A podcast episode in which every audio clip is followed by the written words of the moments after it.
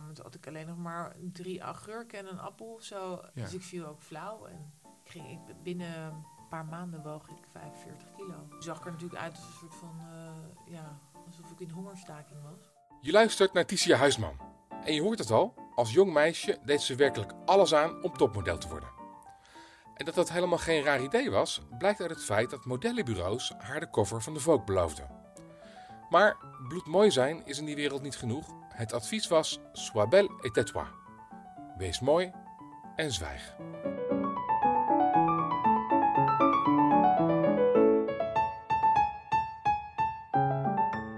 Je luistert naar Podcast Ui. De plek waar we schilverschillend leven afpellen en met de snippers van die ui het hele leven op smaak brengen. Mijn naam is Basti Barancini en in elke aflevering praat ik met iemand die naar de hel ging, maar ook weer terugkwam met prachtige levenslessen. Aan hem of haar stel ik de vraag: welk licht vond jij in het donker? Goed, Ticia dus. Eind jaren 90 vertrekt ze naar Parijs om het daar te gaan maken in de modewereld. Maar al in de eerste week wordt ze verkracht door de meisjesronselaar van Jeffrey Epstein. Ze schrijft erover in haar boek Close-up. Van Ticia wil ik weten hoe ze zichzelf weer hervond. Hoe ontwikkel je eigen waarde als iemand je zo misbruikt en weggooit als een nutteloos gebruiksvoorwerp? Hoe ontwikkelt je intuïtie zich? En welke rol speelt seks vanaf dat moment in je leven? Maar allereerst legt Ticia je uit waarom ze vooral geen slachtoffer is. Nou, ik vind de term slachtoffer vind ik, eh, eh, lastig. En dat eigenlijk heeft mij ook eh, jarenlang ervan weerhouden om echt te kijken naar hetgene wat mij overkomen is Ja. ooit. Ik ben verkracht op mijn achttiende. Ehm, ja, ik wil gewoon. Ik vind het gewoon heel lastig om mez- mezelf te zien als slachtoffer. Ik, ben, ik noem mezelf altijd een overlever, een survivor. Wat is het, het verschil tussen die twee?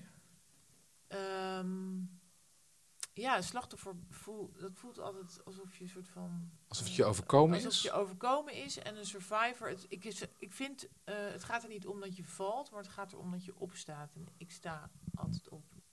Eh, we gaan vandaag uitgebreid jouw verhaal induiken, maar ik zou willen vragen of je zou willen beginnen eh, met een klein stukje voorlezen op pagina 11 van jouw boek. En dat gaat dan om dit stuk. Ik weiger nog langer mijn mond te houden. Zou hij weten dat zijn tijd om is? Hoeveel vrouwen gaan er opstaan om hun verhaal, hun nachtmerrie met hem als hoofdpersoon met de wereld te delen? Zou hij de gezichten van al die meisjes voor zich zien als hij s'nachts probeert de slaap te vatten? Tik-tak, tik-tak, tik-tak, de tijd is om. Ook al is het jaren geleden wat er is gebeurd en weet hij misschien niet eens meer wie ik ben, het maakt me niet uit. Ik zwijg niet langer. Ik sta op. Dit is mijn verhaal. Maar een verhaal heeft altijd een begin. Ook dat van mij. En dan gaan we het begin induiken. Dit klinkt heel heftig en strijdbaar. Ja? Ja. Ben je een vrouw met een missie? Ja, ik denk dat ik wel een missie heb inderdaad. En ehm, Wat, wat is je missie met dit boek?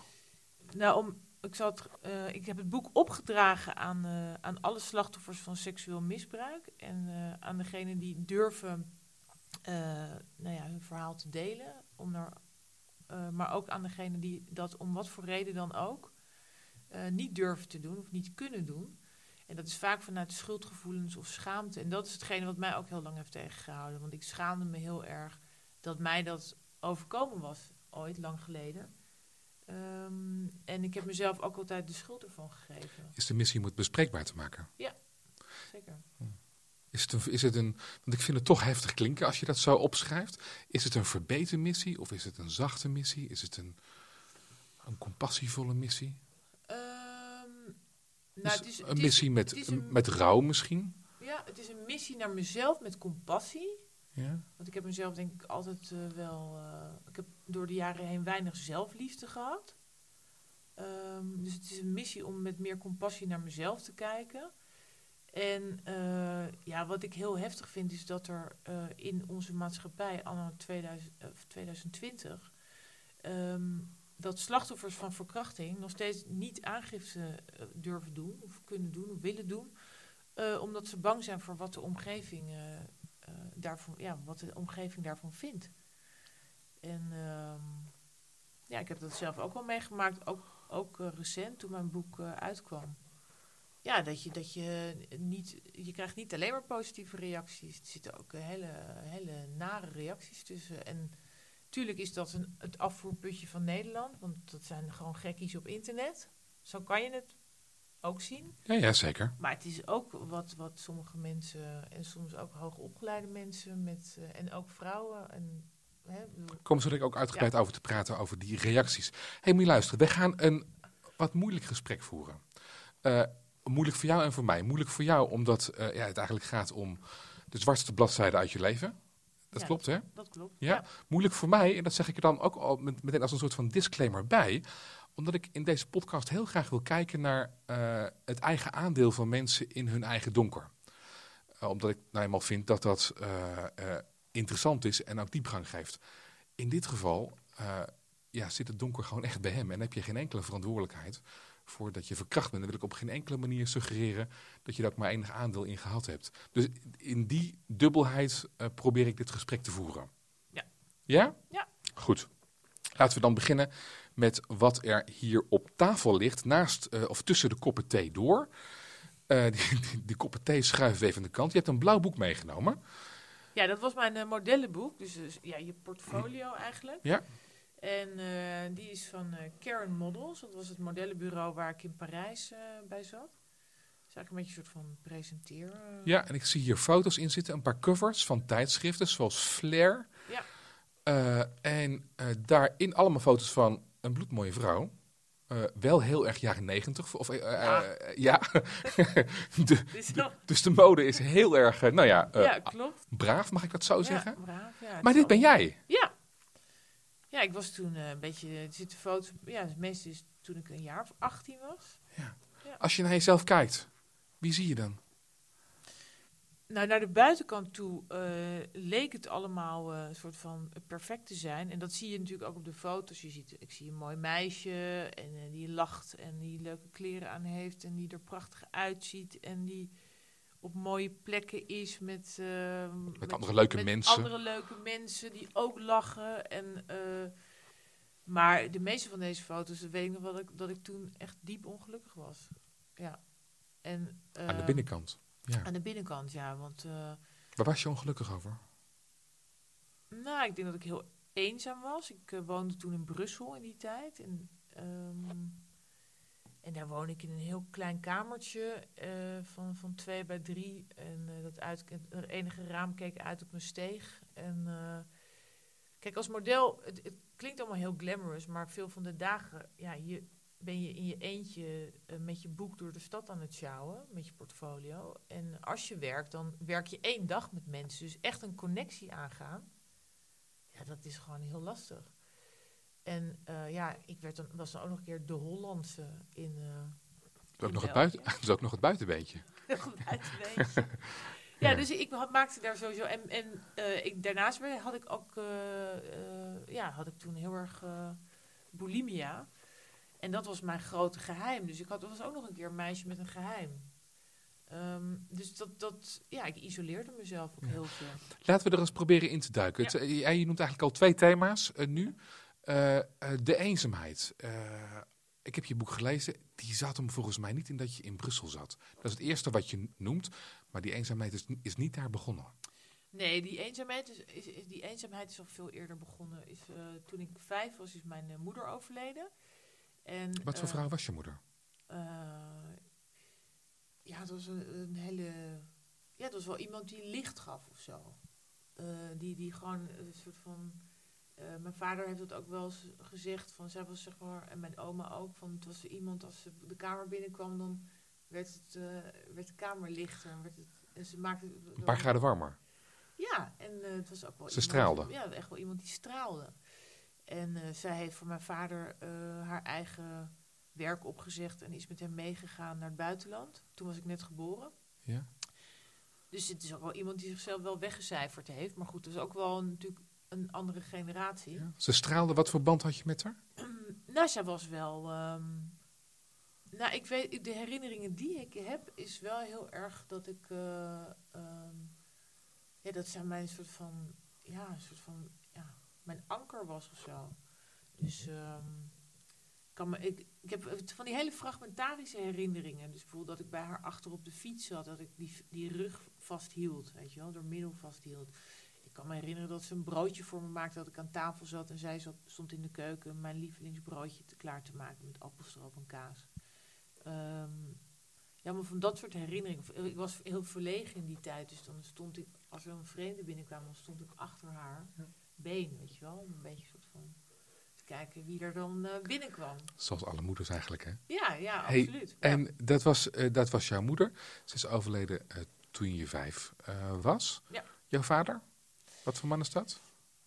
Nou, mijn vader is... Ehm, ja, die komt zelf ook uit een gezin waarbij zijn vader heel jong overleden is. Die is ook heel jong een ouder verloren. Komt uit een zwaar gereformeerd gezin. Heeft zichzelf echt opgewerkt. Werkte bij een, een grote multinational. Maar hij, wel echt, hij is wel heel erg altijd op zijn carrière gefocust geweest. En dat snap ik ook wel. Want als je zelf. Ja, hij heeft, hij heeft mij ook altijd alles willen geven wat hij zelf nooit gehad heeft. Maar in materiële zin. In materiële zin. Ja. Wat heeft hij jou gegeven uh, als mens? Oh, als mens, ja, kijk.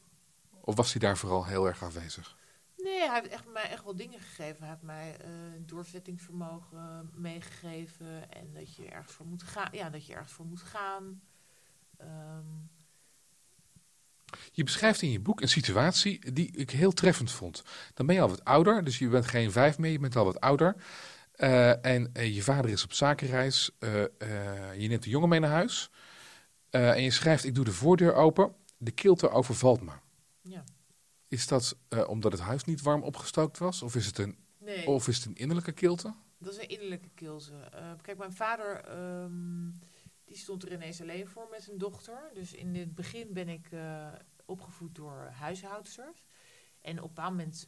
door huishoudsters? Ja, ja, ja. die bij ons in huis woonden. En die ik ook wel als een soort van surrogaatmoeder zag. Uh, maar dat betekent, je, je, je gebruikt het, het, het, meervoud, dus ze gingen ook weer weg. Ze gingen ook weer weg. En dat was, dat was het nare, dat, dat je op een moment, dan raakte ik daar wel afgestomd door.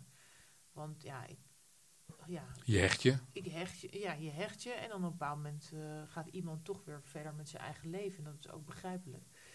En dat is iedere keer weer een soort van klap. Dus uh, op een bepaald moment, uh, toen ik een jaar 15 was, waar jij uh, op doelt op die scène, is, toen hadden wij niet meer echt iemand in huis wonen, maar er was dan een, een dame die dan drie keer in de middag kwam, weet je wel, om de was te doen en het huishouden. Ja. Maar ons huis, ja, het was gewoon wel een kil huis, een stil. En, ja. Nou ja, en ook alleen. Ja. Andere scène, ja, ik heb je boek goed gelezen hoor. dan, ga je een, dan ga je een rondje hardlopen. En je hebt jezelf een gewoonte aangeleerd om elke keer als je dan na het hardlopen weer thuis komt, dan doe je de, de deur open en dan? Dan zeg je heel hard, hoi, ik ben er weer. Oh ja, ja, nee, dat, ja, dat, ja, dat klopt. Nee, ik, ik, uh, ik werd, werd ook wel eens alleen thuis gelaten. En uh, toen ik wat ouder was, was ik ook wel eens weken alleen thuis. En, maar mijn vader kwam ook wel eens vaker s s'avonds laat thuis. En toen was ik denk ik 12, 13, 14, 15... Um, en dan, um, ja, ik ben echt wel eens bang geweest ook dat er inbrekers in huis waren. Ja. Uh, en dan uh, lag ik bijvoorbeeld in bed en dan maakte ik mezelf helemaal plat. Dus dan deed ik de, de deken over mijn hoofd. Mm -hmm.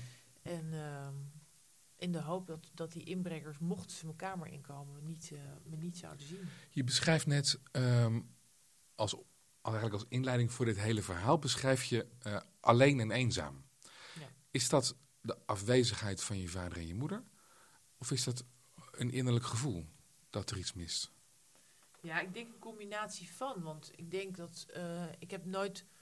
Tuurlijk uh, heb ik mijn moeder, ik mis mijn moeder nog steeds. En uh, ja, mijn vader is nog steeds natuurlijk een man, ja, waar... Andere generatie, oh, ja. andere kwaliteiten? Ja. ja? en, en over je emoties praten, ja, hij is nu 85, dat, dat, dat, dat deed je. Zo werd je ook niet opgevoed in die tijd, toen hij klein was, toen hij jong was.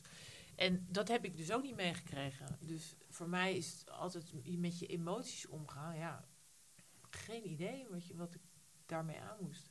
Nee.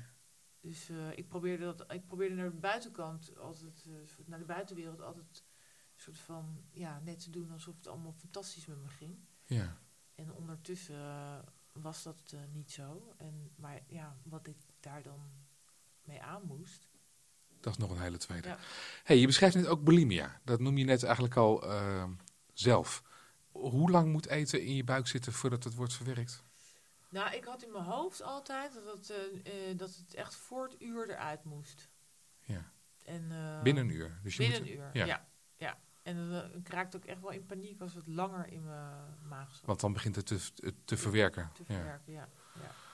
Eh, En het oh, bizarre is, is dat, dat eh, het begon met anorexia. En ik ben in echt een hele, ook door het modellenwerk, omdat er tegen mij gezegd werd van nou dat puppyvet, dat moet je nog wel even kwijtraken. ja, hoe haal je het ook fucking in je hoofd om tegen een meisje van 15, 16 15, toen zag ik er zo uit. te vertellen dat ze te dik is? Ja.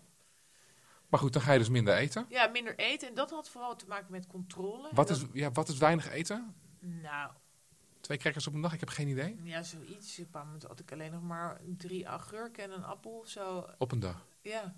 Ja. Dus ik viel ook flauw. En ik ging, ik, binnen eh, een paar maanden woog ik eh 20 kilo lichter en woog ik 45 kilo. Om maar aan de standaard te kunnen voldoen. Ja. 45 is heel weinig, hè? Ja, toen zag ik er natuurlijk uit als een soort van, eh, ja, alsof ik in hongerstaking was.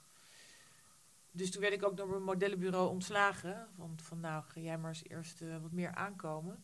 Daar dat- begon het mee? Daar begon Ja? het mee. Dus toen ben ik ook eh, in, in therapie ervoor gegaan. En, eh, maar toen, gedo- gedwongen? ja, Ja. ja, en toen ben ik dus weer gaan eten. Alleen op een bepaald moment ja, kon ik mezelf, ja, kreeg ik echt van die vreetaanvallen. En dat kon ik niet tegenhouden. En, een- en een vreetaanval, dat is? eh, ja, allerlei smerige, zoete troep en vette troep eh, zo snel mogelijk naar binnen werken. En dan stak ik eh, mijn vinger in mijn keel. ja, wat was de eerste keer dat je een vinger in je keel stak? Weet je dat nog? Ja, dat was nog ineens zo'n vreetaanval. Maar dat was gewoon omdat ik het gevoel had van... oh, ik heb gewoon te veel in mijn maag zitten. Hoe was dat, zo'n eerste keer? Ja, die ontdekking dat dat dus een soort van oplossing voor je probleem is... dat was een soort van... eh, Ik had een treurig antwoord verwacht, maar je, het- het- je beschrijft het... toen, je- hè? je bes- ja, maar je, je beschrijft het dus als een oplossing. Hé, hey, dit is handig, dit kan ook. Ja, omdat ik eh, de controle kwijtraakte over dat, eh, over dat eten. En, eh, en dacht van ja, maar ik wil ook niet zo meteen eh 30 kilo weer aankomen. Dus toen wist ik het zo, zo soort van in mijn hoofd te managen. Alleen dat werd natuurlijk, dat was gewoon een monster.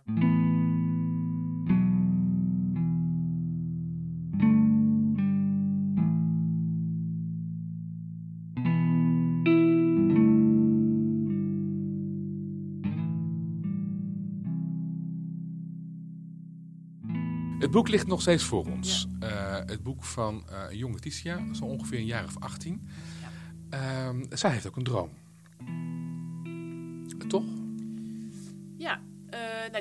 Droom had ik al eerder. Ik wilde gewoon eh, model worden. En, het gekke was, ik had een fascinatie voor modetijdschriften. En die had toen ook zo'n programma op MTV, House of Style heette dat. En ehm, ja, in die modellen die zagen er in mijn ogen uit alsof ze een soort van perfect en fantastisch leven hadden. En, en ge- ge- ultiem gelukkig waren. En, ehm, En ja, dat, dat wilde je ook. en dat wilde ik ook, ja. Ja. En dan ook nog een keer natuurlijk, ja, weet je wel, ik was een jong meisje en dat, dat zag er gewoon allemaal heel aantrekkelijk uit. Ja, en je was knap. Hoe rolde je die wereld in?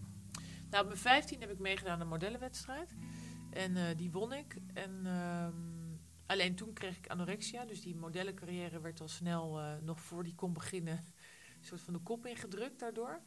En toen eigenlijk eh, tijdens mijn eindexamenjaar, toen kwam ik de eigenaar van een bureau tegen. In een discotheek nog wel. En die plukte mij zeg maar daaruit. En die vroeg of ik eh, in België wilde komen om daar modellenwerk te doen. Ja, en, en als ik je goed begrijp, was dan dus het uitzicht ultiem en eeuwig geluk.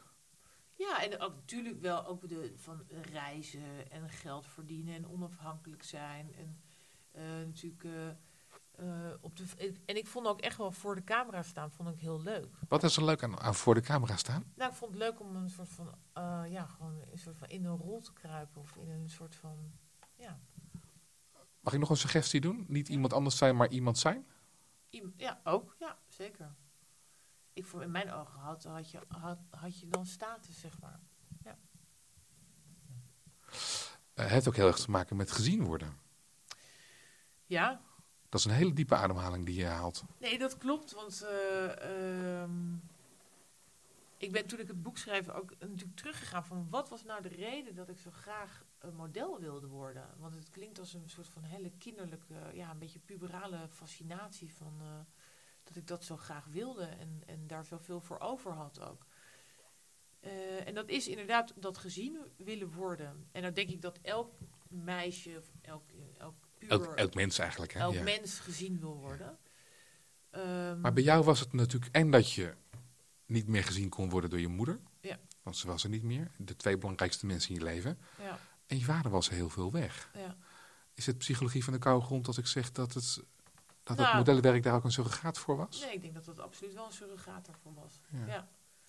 En in mijn, in mijn uh, hoofd was dan hè, hè, was dat een soort van ja, dat, dat gezien worden als model, ja, uh, zag ik als een soort van uh, ja, misschien wel aandacht, liefde.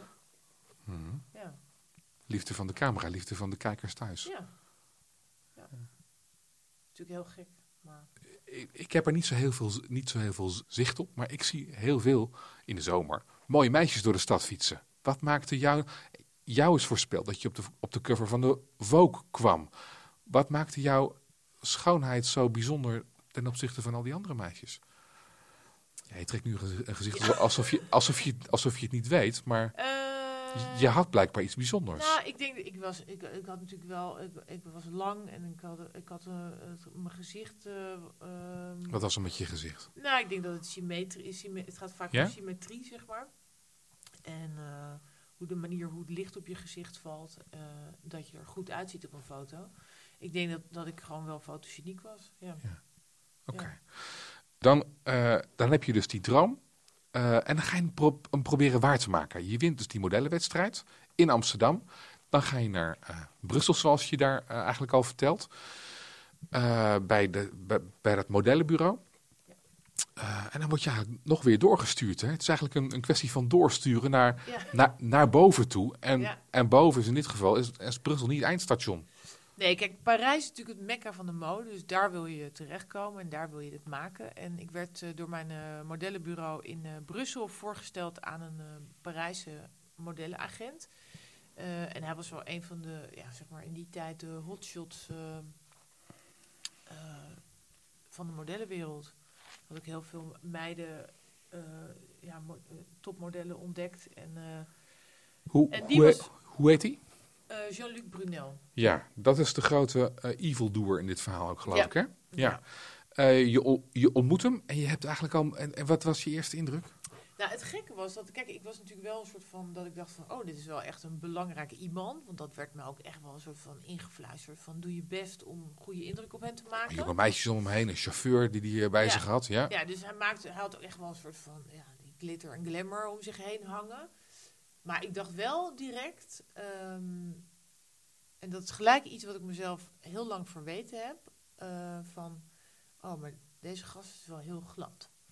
En, um, oh, Fransen zijn een beetje glad, toch? ja, of niet? Dus dat we, we, je kon het ook, wat... ook een beetje af van, ach ja, dat is zo'n Fra dat Franse charmante, dat gelijk dat heel lyrisch en heel soort van.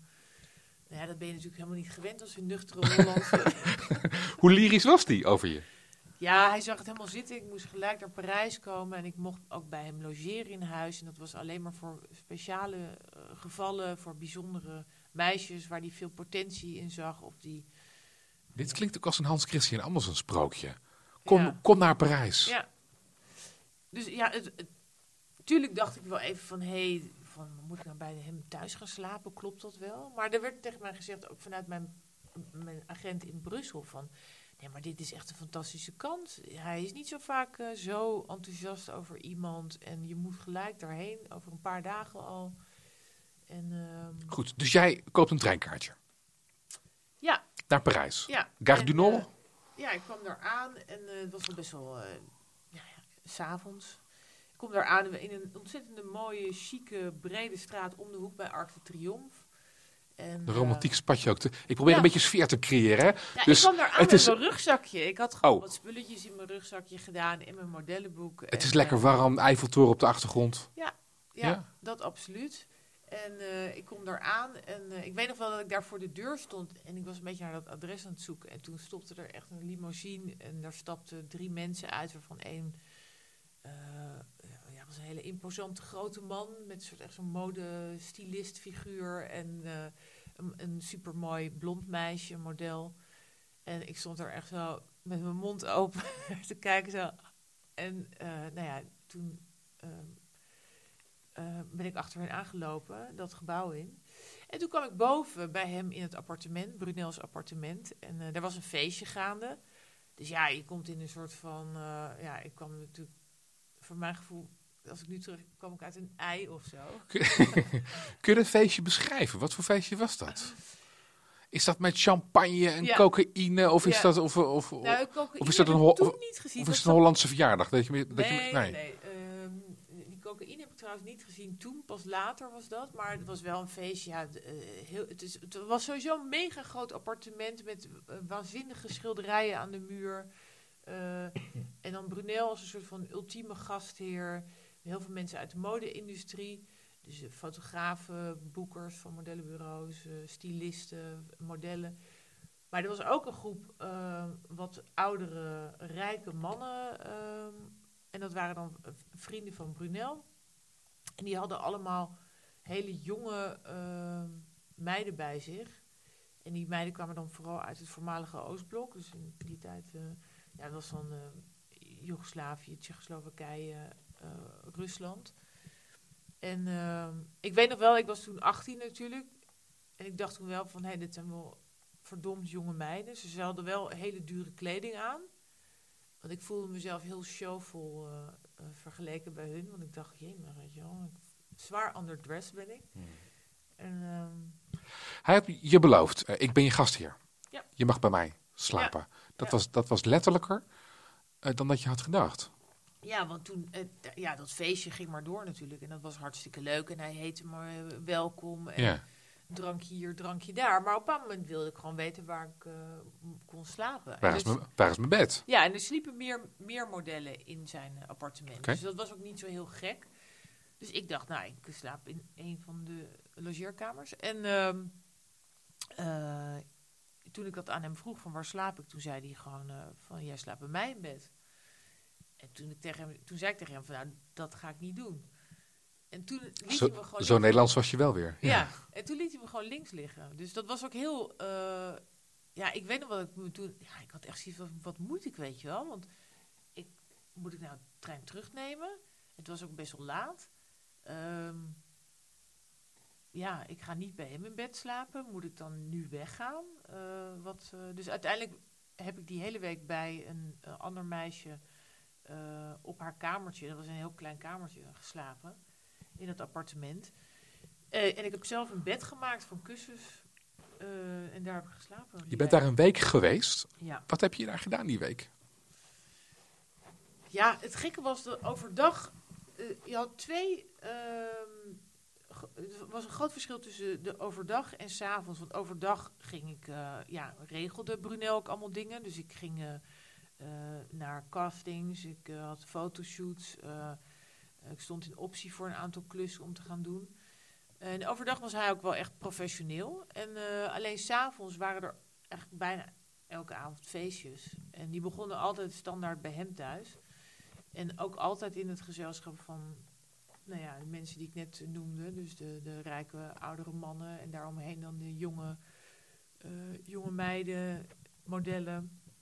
En eh, dat begon altijd bij hem thuis. En daarna ging je uit eten. En eh, met zo'n hele groep. En daarna naar een, een club toe. Ja. Dat beschrijf je, die oudere, rijke mannen en die hele jonge meisjes, als een soort van paringsritueel. Ja. Maar dat, ja, dat was het ook. Eh, het was een soort van... eh, Hyena's Het- die het op zoek zijn naar vlees. Ja, het voelde ook heel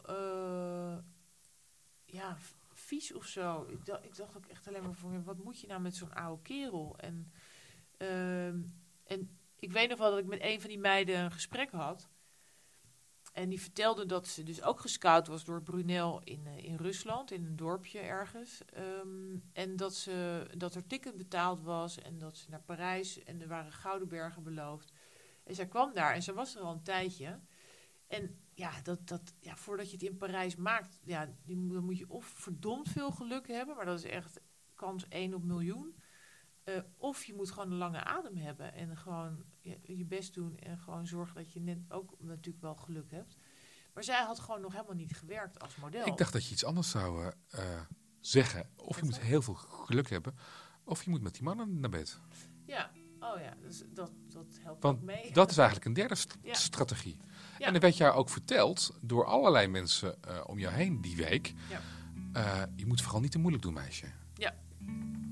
Ja, ik heb bijvoorbeeld eh, Jeffrey Epstein en Brunel wordt natuurlijk gezien als de meisjesronselaar van Jeffrey Epstein. Ja.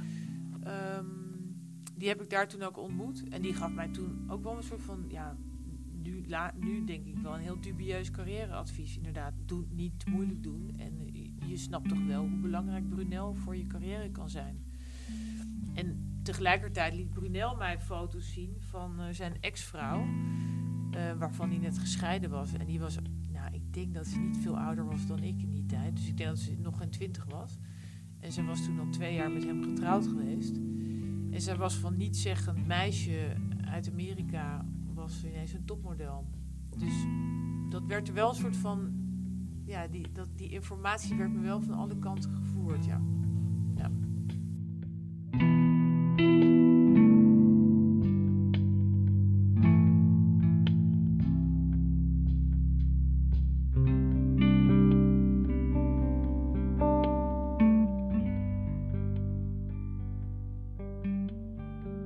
Toen ik wakker werd, was ik naakt. En ik lag in een vreemd bed.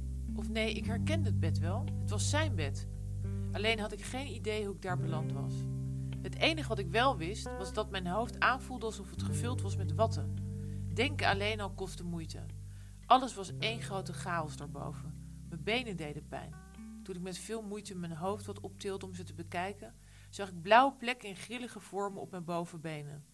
Vervolgens probeerde ik mijn armen te bewegen, maar die weigerden dienst en bleven slap en zwaar liggen tussen de verfrommelde lakens. Opstaan lukte niet. Mijn lichaam leek onbestuurbaar. Koortsachtig groef ik in mijn geheugen. Waarom lag ik in zijn bed? Maar hoe hard ik het ook probeerde, ik kon me gewoonweg niks herinneren.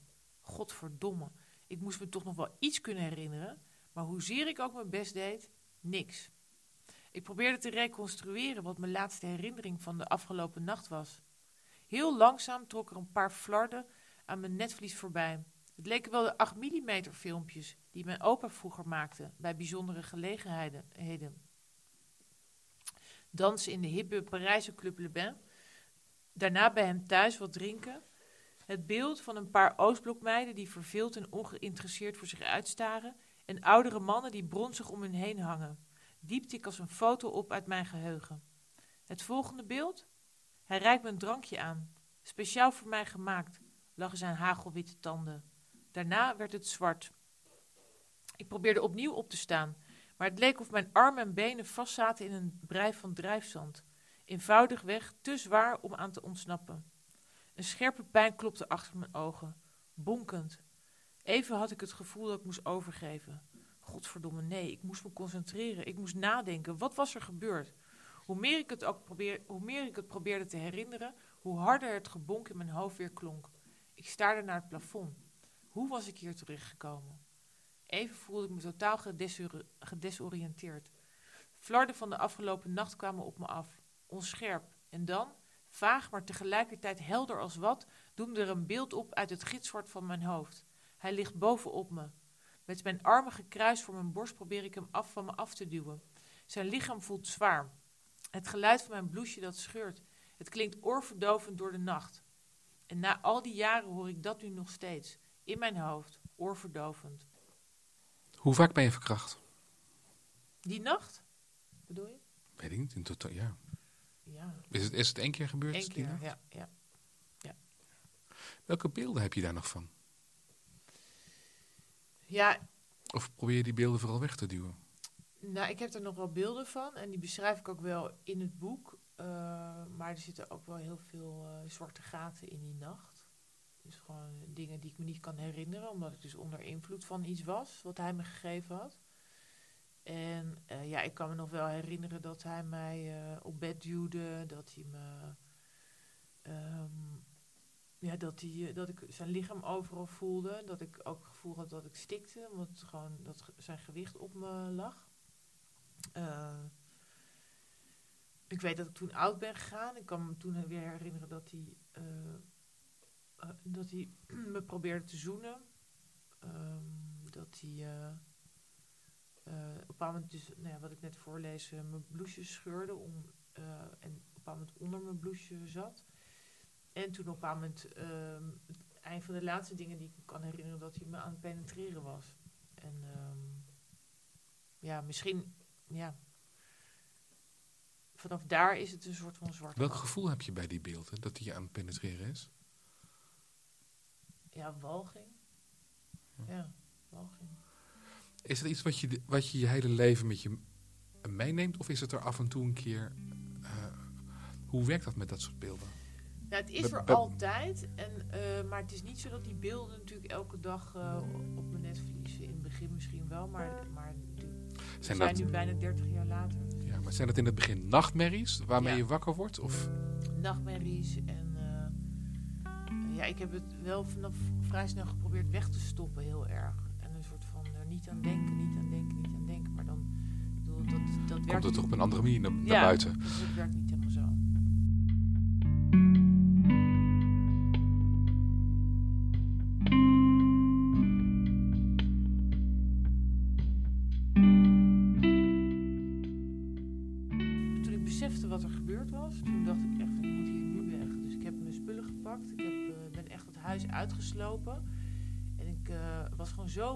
hij was in de woonkamer, hij was nog in het appartement. En ik was gewoon zo bang dat ik hem tegen zou komen. En nu denk ik echt van, ja, die angst, dat kan, dat kan ik nog heel goed voelen. Eh, en, en ik weet, wat ik me zeg maar van die nacht niet meer, niet meer alles kan, van kan herinneren, weet ik nog wel van die ochtend daarna. Dat ik echt tot in detail, dat ik dat huis uit, uit ben gevlucht en dat ik naar het station eh, ben gegaan en eh, dat ik nog steeds onder invloed van iets was, want ik, ik zag ook dingen gewoon anders dan dat ze waren. Eh, en ik weet nog dat ik in de trein zat. En dat was het eerste moment dat ik een soort van. weer een soort van. ja. stil kon. ja, dat ik eh, ging zitten natuurlijk in de trein. Dat ik een soort van stil kon staan bij wat er gebeurd was. En ja, toen overheerste gewoon schaamte. schaamte. Ik, schaamde me zo ontzettend dat mij dat gebeurd was. En alles En waar schaamde je je voor?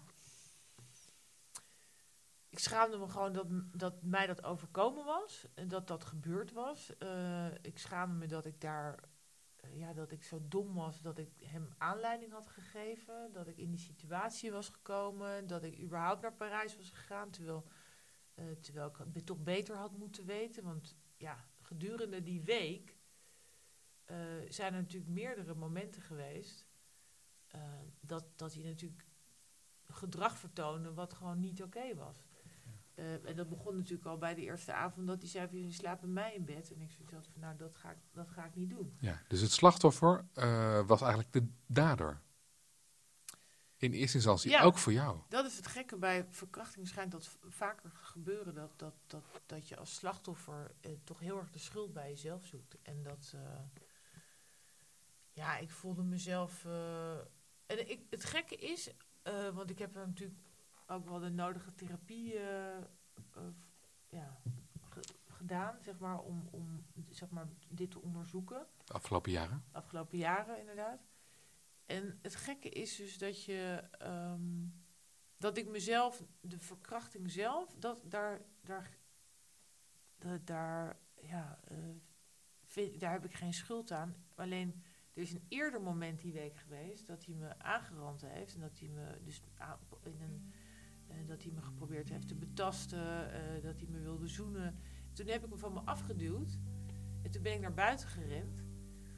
Ehm, maar ja, toen stond ik zonder portemonnee, zonder spullen, stond ik eh, in, een, in Parijs, moederziel alleen. En toen ben ik weer teruggegaan.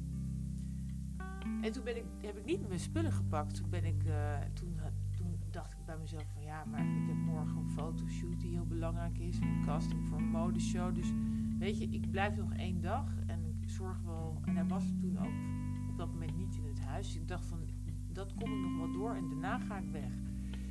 En dat is dus het moment geweest wat mij dus jarenlang een soort van dat schuldgevoel heeft gegeven. Van, en je had daar helemaal niet moeten zijn. En uh, je hebt er zelf om gevraagd. En zo werkt dat. Zo werkt dat. Tenminste, zo heeft dat bij mij gewerkt.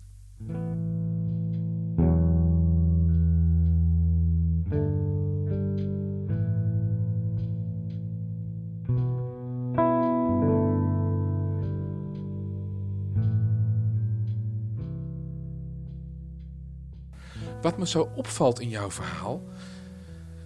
Je bent in het appartement. Dit gebeurt. Uh, je wordt eerst aangerand en een paar dagen later verkracht. Die meisjes die daar ook in het appartement waren, eens een butler, die wisten dat. Luister, die ja. wisten dat. Ja. Dat kan niet anders. Die hele entourage van hem, die moet geweten hebben: dit is geen zuivere, uh, geen zuivere koffie. Uh, ook de mevrouw in Brussel, de Brusselse agent, ja. die wist dit ook. Want drie jaar daarvoor was op de Amerikaanse televisie namelijk al een documentaire geweest waarin dit min of meer gezegd werd. Ja. Heel veel mensen wisten dit. Ja, en dat, uh, toen ik daarachter kwam, een aantal jaar geleden ben ik uh, gaan researchen. Ben ik, uh, toen, eigenlijk drie jaar geleden ben ik voor het eerst eigenlijk pas over die verkrachting. Sorry, maar nu hoor, ik de, nu hoor ik de programmamaker in je. Wat doet het met jou? maakt me woedend. En die bijvoorbeeld die. Je was niet de eerste, niet de laatste. Je werd als een lam naar de slagbank ja. geleid. Ja. Klopt. En, je had geen schijn van kans dus. Die, bijvoorbeeld die, die, die vrouw van die, dat modellenbureau in Brussel, ja, die. Ik vind dat zo. Ja, ik heb daar geen woorden voor. Ik ben daar ja, woedend. Kan als je dat, nog steeds die woede. Ik als je er toch weer. Ja, als je er toch een woord aan zou moeten geven, wat zou dat dan zijn? Ja, ik vind dat beestachtig. Dat je gewoon meisjes. Uh, ik heb er een ander woord voor. Misschien, maar misschien um, overrate ik dan vrouwen onder elkaar. Dat zou kunnen, maar ik zou er het woord verraad aan willen plakken. Ja, ook zeker. Ja. Nee, ik voelde me ook verraden. Ik voelde me absoluut verraden. Dat ik gewoon daarheen ben gestuurd. En uh, toen ik dus die documentaire vond op YouTube. Uh, dat, en, dat, en dus het, het, jaartal ook zag. Dat die dus in 1988 is uitgezonden. Dus dat iedereen dat moet hebben geweten. Drie jaar voordat jij daar was. Ja, drie jaar voordat ik er was. En toen ontplofte er iets in mijn hoofd. En, uh, uh, en het erge is, ik heb haar toen ook gebeld. Om haar een soort van ter verantwoording te roepen van... Hey, um, Hoe reageerde ze daarop? Nou, het gek, dat, is dus, dat vind ik dus nog steeds heel gek. Toen ik haar uitlegde van nou je weet je nog waarom ik hals over kop uit Parijs ben teruggekomen. Toen, hè, uh, dat vond je zo gek. Want ik werd toen echt op het matje geroepen, hè, toen, ik, uh, toen dat gebeurde. En, um, Hoe reageerde ze? Toen, zei ze, toen ik haar uitlegde wat er toen gebeurd was, tot in detail. Het eerste wat ze zei, is van, oh, maar dat, uh, dat zou hij nooit doen. Daar is hij veel te lief voor. En ja, toen, dit gaat dus niet meer om een systeem van menselijkheid, misschien ook van vrouwen die elkaar steunen in zo'n moeilijke wereld. Dit gaat om uh, omzet. Gewoon heel ja, simpel. Ja. En macht, Ja. weet niet. Nou ja, het gekke is, zou het, eh, ik kan me dan niet voorstellen dat het alleen maar om geld gaat. Dan denk ik van, jezus, ik bedoel... eh, maar ja, eh, macht en eh tuurlijk was hij machtig. En, eh, maar ja, ik denk dat het dan vooral om geld ging. Die andere man die jij tegenkwam daar op die eerste avond, eh, Jeffrey Epstein. d- Er verscheen ineens een bericht, gewoon eh, op een zondagmorgen eh, op de NOS, dat hij eh, dood was gevonden in zijn cel. Wat dacht je of wat voelde je toen? Nou, ik dacht alleen maar, dat, dat, die man heeft echt geen zelfmoord gepleegd. Nee. Nee. Dat was de suggestie namelijk. Ja, maar dat heeft hij niet gedaan. Ik denk, nou, dat is wordt nog steeds natuurlijk dat de officiële verklaring dat hij zelfmoord heeft gepleegd. Maar ik denk dat hij, eh, of ja, daartoe gedwongen is, of dat hij gewoon, eh, ja, vermoord is.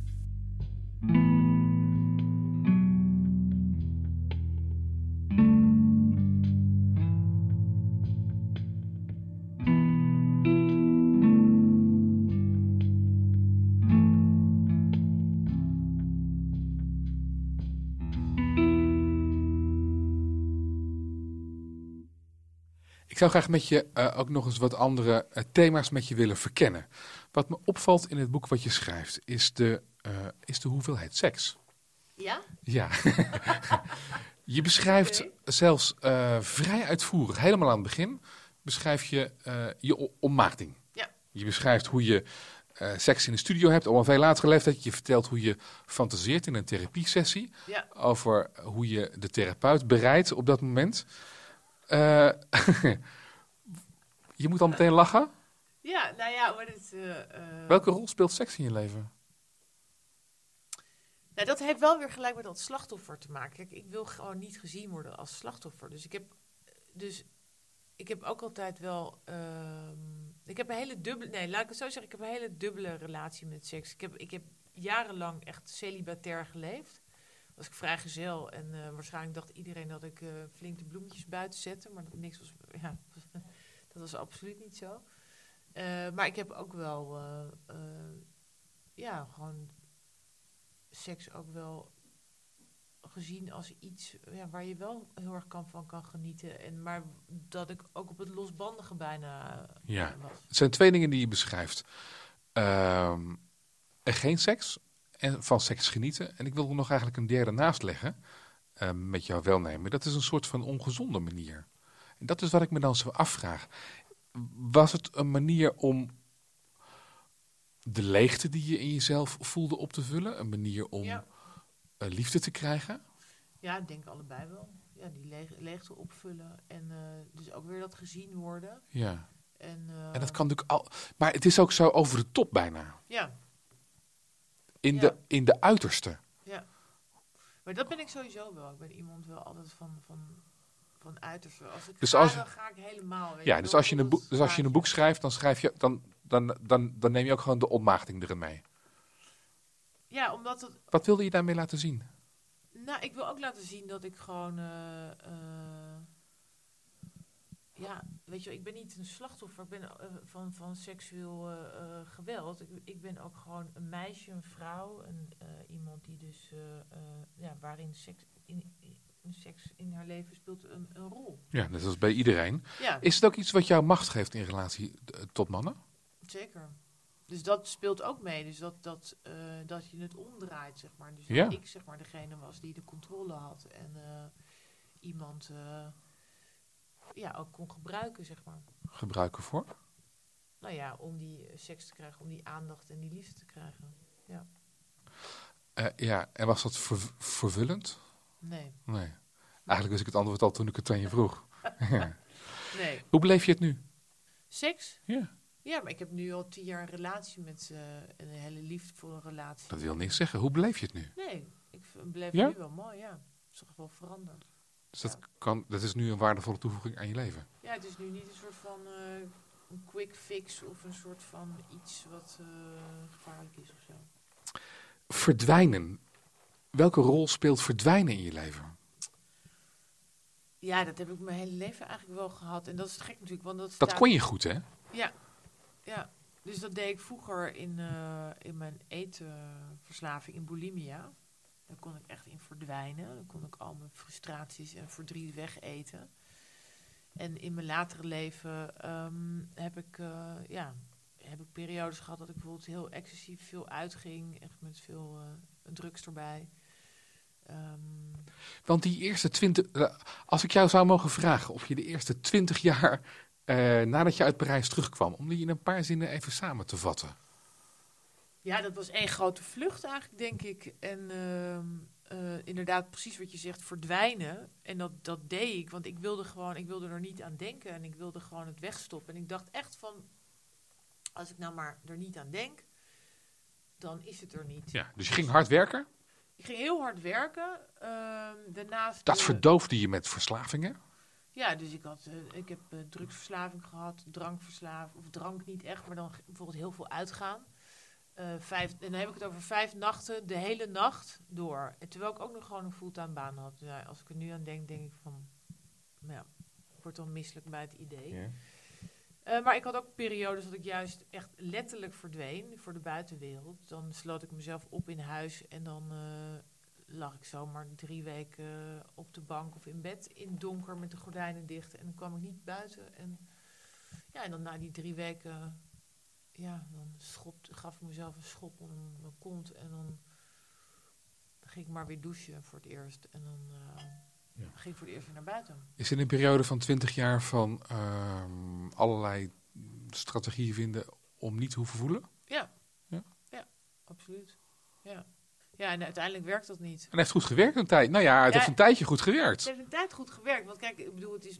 Nu schets ik natuurlijk een heel eh, verschrikkelijk beeld dat het één grote eh, doffe ellende was. En dat was het ook wel, deels. Nou, laat, Maar- hem dan, laat hem dan omkeren. Eh, en, en weggaan van de donkere ellende, zoals je dat beschrijft. Ik wil Ja. ook gewoon heel graag weten wat het je heeft opgeleverd. En dat klinkt misschien heel tegenintuïtief. Maar ik ben heel erg benieuwd op, ehm, hoe het jou gevormd heeft. Tot wie je nu bent. Nou, ik ben, denk ik, ehm, ik ben een heel intuïtief persoon. Dus ik, ik, eh, en ik durf ook echt wel op mijn intuïtie af te gaan. Ook al Dat is grappig, want je hebt het een aantal keer ongelooflijk Ja, maar ik heb het wel gevoeld. En dat is het gek. Ik heb wel gevoeld dat... eh, wel gevoeld, niet geluisterd. En niet geluisterd. En hoe is dat nu? En nu luister ik er veel meer naar. Dus ik ga veel meer op mijn gevoel af. Ehm, Wat is er voor nodig om naar intuïtie te luisteren? Nou, ik ben wel iemand die echt heel erg zich ergens in vastbijt. Dus dan, dan, dan ben ik bijna zeg maar, op het obsessieve af ergens mee bezig. En zit ik daar ook helemaal in. En dat is ook tegelijkertijd mijn valkuil. Maar ik vind het ook... Het is mijn valkuil, maar het is tegelijkertijd mijn... eh, vind ik dat ook een, een hele positieve eigenschap. Omdat het me... Omdat dat dat is ook iets wat mij gevormd heeft in, die al, in al die jaren, weet je wel, om door te gaan en om gewoon, ehm, ja, gewoon om door te gaan. Ik ben wel een bijter, wat dat betreft. Ja. Dus als we het hebben over eh, hoe het je gevormd heeft, je bent een bijter. Eh, en je beschrijft het ook eh, in het begin van dit gesprek, ik sta ook rechtop. Ja, Ja. En dat voel ik heel sterk. En eh, zeker nu het ook, het grappige is, nu het boek uit is, voel ik dat helemaal heel sterk. Ik zie ineens achter jou een soort van verschijning van eh, Elton John. Nee, maar als een, soort- als een Elton John van I'm Still Standing of Ja. zo. Vind ik ook een heel lekker nummer. Ja.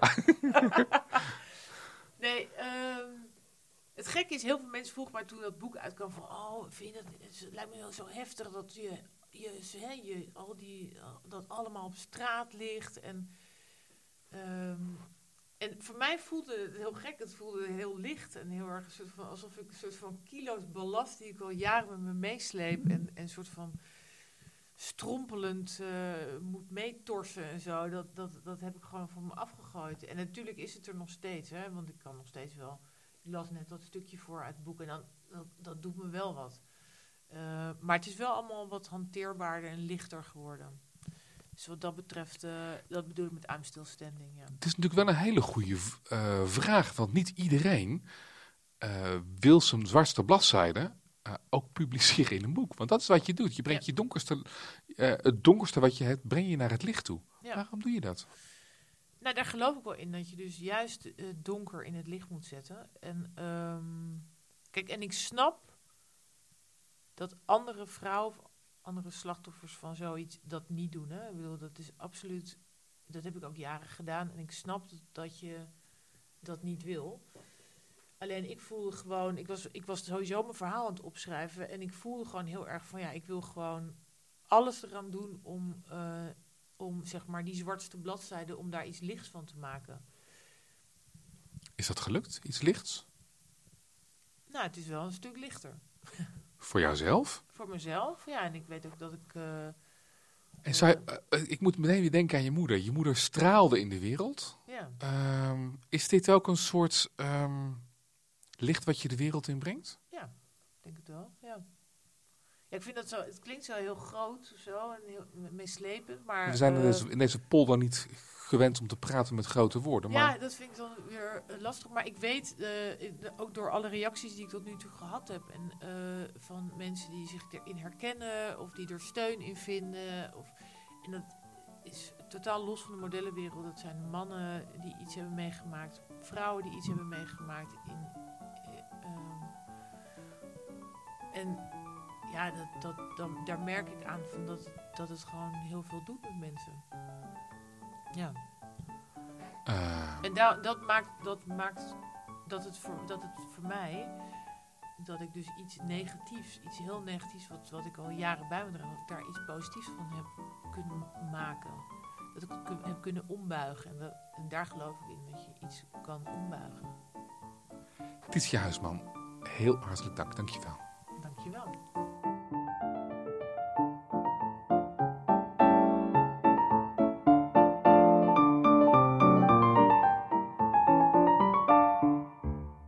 Fijn dat je luisterde naar deze bijzondere aflevering met Titia Huisman. Een link naar haar boek vind je in de show notes. Mocht je ons trouwens willen helpen, in de podcast-app van Apple kun je sterren en reviews geven. Siets Bakker schrijft bijvoorbeeld... Een boeiend gesprek, prachtige vragen en een gast die kan spreken. Geen gegiegel of ego-shows, maar een integer gesprek met kwetsbaarheid. Daar zijn we heel erg blij mee, want al die beoordelingen helpen ons in de algoritmes om door anderen weer beter gevonden te worden. Dus heel erg dankjewel, Siets. Goed, volgende week dan hoor je hier het verhaal van Rinke van der Brink. Hij is gezondheidsredacteur van de NOS en hij redde zijn eigen leven na een medische fout in het ziekenhuis. En toen hebben zij een ambulance gebeld. Ik ben gecontroleerd. Verdenking, eh, acute blinde darmontsteking. Eh, vanavond naar de huisartsenpost en eh, dan verder zien. Dus eigenlijk het eerste wat niet is gegaan zoals dat moet gaan. Heel graag dus tot volgende week, zondagmorgen. Dan zijn we er weer.